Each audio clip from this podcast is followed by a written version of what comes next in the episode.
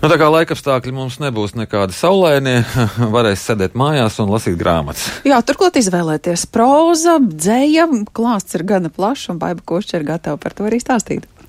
Jā, labrīt. Tiešām klāsts ir gana plašs, un es sākšu ar Latvijas politikas vēsturē veltītu grāmatu, kas vakar piedzīvoja atvēršanas svētkus, un tā ir Ivara Ijaba grāmata ar nosaukumu Nepateicīgie.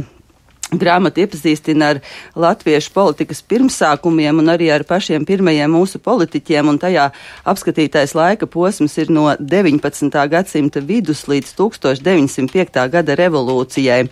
Grāmatas atvēršanas svētkos vēsturnieks Kaspars Zēlis to noraksturoja kā aizraujošu politisko detektīvu.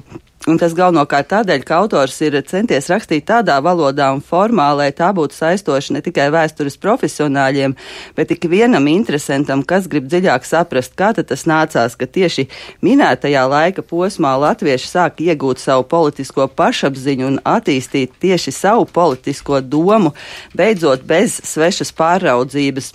Tas nebūtu nebija vienkārši, jo šī doma tolaik aizvien atradās kā starp diviem dzirnakmeņiem. No vienas puses tā bija Vācu baltu mužniecība, no otras puses Krievijas impērija, kas centās kontrolēt, tā teikt, nepateicīgos latviešus un apspiest viņu aktivitātes. Un šai saistībā ir arī grāmatas nosaukums nepateicīgie, kas ir mazliet ar tādu ironijas pieskaņu, un jāteic, ka ironijas pieskaņa savā ziņā mazliet caurvīja arī visu grāmatu. Eh, tradicionāli minētais laika posms mums eh, visticamāk saistās ar jaunlatviešiem, ar Rīgas latviešu biedrību, tad ar jaunstrāvniekiem.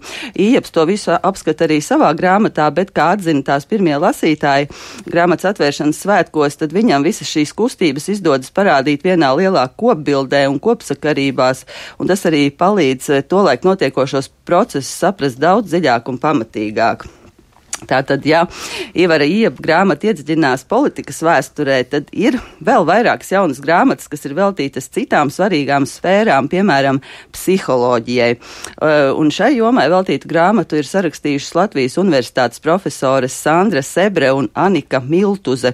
Grāmata saucas Attīstības psiholoģija, cilvēka attīstība visas dzīves garumā. Un arī šī grāmata ir paredzēta plašai auditorijai, gan šīs jomas studentiem, mācību spēkiem un citiem profesionāļiem profesionāļiem, gan, piemēram, arī skolotājiem un vecākiem, lai labāk izprastu bērnu uzvedību. Man liekas, tāds ļoti svarīgs aspekts ir, ka līdzās pasaules mēroga teorijām grāmatā ir iekļautas arī tieši Latvijā veiktu pētījumu atziņas un ir sniegti mūsu kultūras vidē raksturīgi piemēri.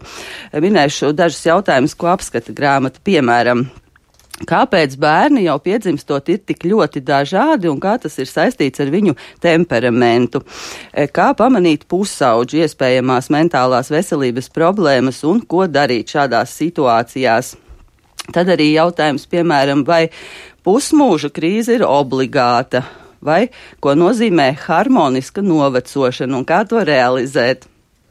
Savukārt tiem, kam interesē Rakstniecības aizkulises saistoši būs tikko klajā nākušais esēju krājums Rakstniecības laboratorija, kurā savā, savā darba procesā ļauj ielūkoties 15 mūsdienu rakstnieki.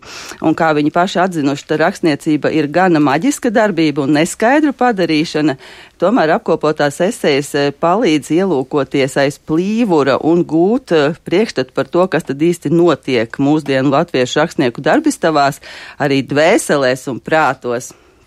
Un tad ir pavisam svaigi klajā nākuši arī divi dzējas krājumi. Viens no tiem ir Elīnas Vendijas Rībenes, otrais dzējas krājums Kreveles.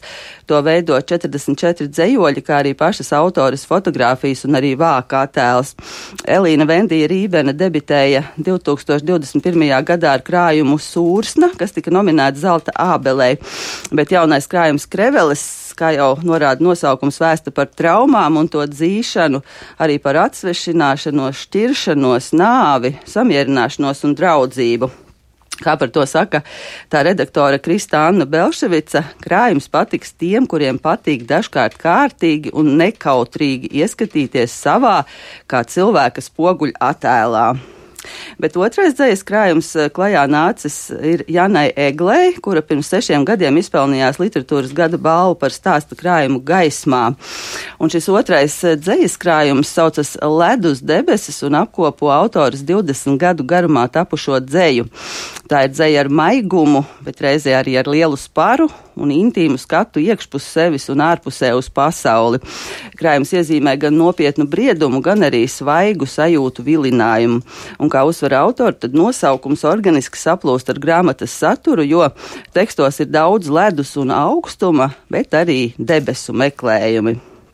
Un vēl pieminēšu e, kādu notikumu, kas arī cieši sasaucas ar rakstniecību, proti Aspazijas mājā Jūrmalā šodien, piecos pēcpusdienā, atklās kultūra vēsturisku izstādi ģēnijas un marcipāņu čūska. Izstāde ir veltīta Rudolfa Blaumaņa 160. dzimšanas dienai un atklāja Blaumaņa un Aspazijas nozīmīgākos saskares punktus 12 gadu ilgās pazīšanās laikā. Abi vārda meistari šajā laikā viens otru apbrīno un dziļi ciena, bet starp viņiem valda arī sīva sāna sensība un uzskata atšķirība jautājumā par dzēnieka dzīves misiju.